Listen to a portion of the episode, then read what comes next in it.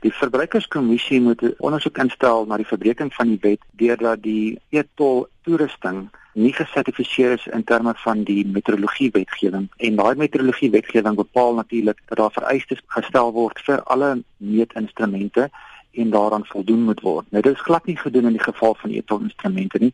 Die effek daarvan is dat enige rekening wat uitgereik is in terme van daardie instrumentasie eintlik dan onwettig is. En die verbruikerskommissie moet dan 'n bevinding maak in terme van hulle eie wetgewing, die wet op verbruikersbeskerming, dat daardie rekeninge wat dan uitgereik is sedert die begin van die etolstelsel tot met die voldoening van hierdie vereistes onwettig is en nie betaalbaar is nie. En tweedens dan dat die gelde wat al reeds betaal is, wel weer teruggeëis kan word deur mense wat al reeds betaal het. En indien dit nodig sou wees, is dan om dan 'n hofbevel te kry of 'n bevel van die verbruikerstribunaal self wat die gesag het om 'n bevel uit te reik om dit af te dwing. Hoe lank gaan so 'n proses vat? Wel gewoonlik vat dit so 60 dae om 'n saak te hanteer, maar omdat hierdie saak 'n dringende een is en ons 'n goeie verhouding met die verbruikerskommissie SAFF het, sal ons druk dat dit baie vinniger gehanteer word en hulle dan 'n bevinding maak.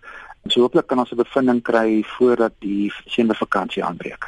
Advokaat, hoeveel geld praat jy van as al die boetes wat betaal is vandat die stelsel in 2013 Desember begin is, moet terugbetaal? Jy praat van 'n paar honderd miljoen rand. Ek het nie duidelikheid oor die presiese bedrag nie, maar ons het wel inligting gekry oor die maandelikse inkomste van Sanral, maar dit wissel tussen kom ons sê 60 miljoen rand en dan weer 'n laagtepunt van 10 na 20 miljoen rand oor die maande heen. So Ek skat as 'n mens nou net rofweg na die prentjie kyk dat dalk so 150 na 200 miljoen rand se gelde kan wees.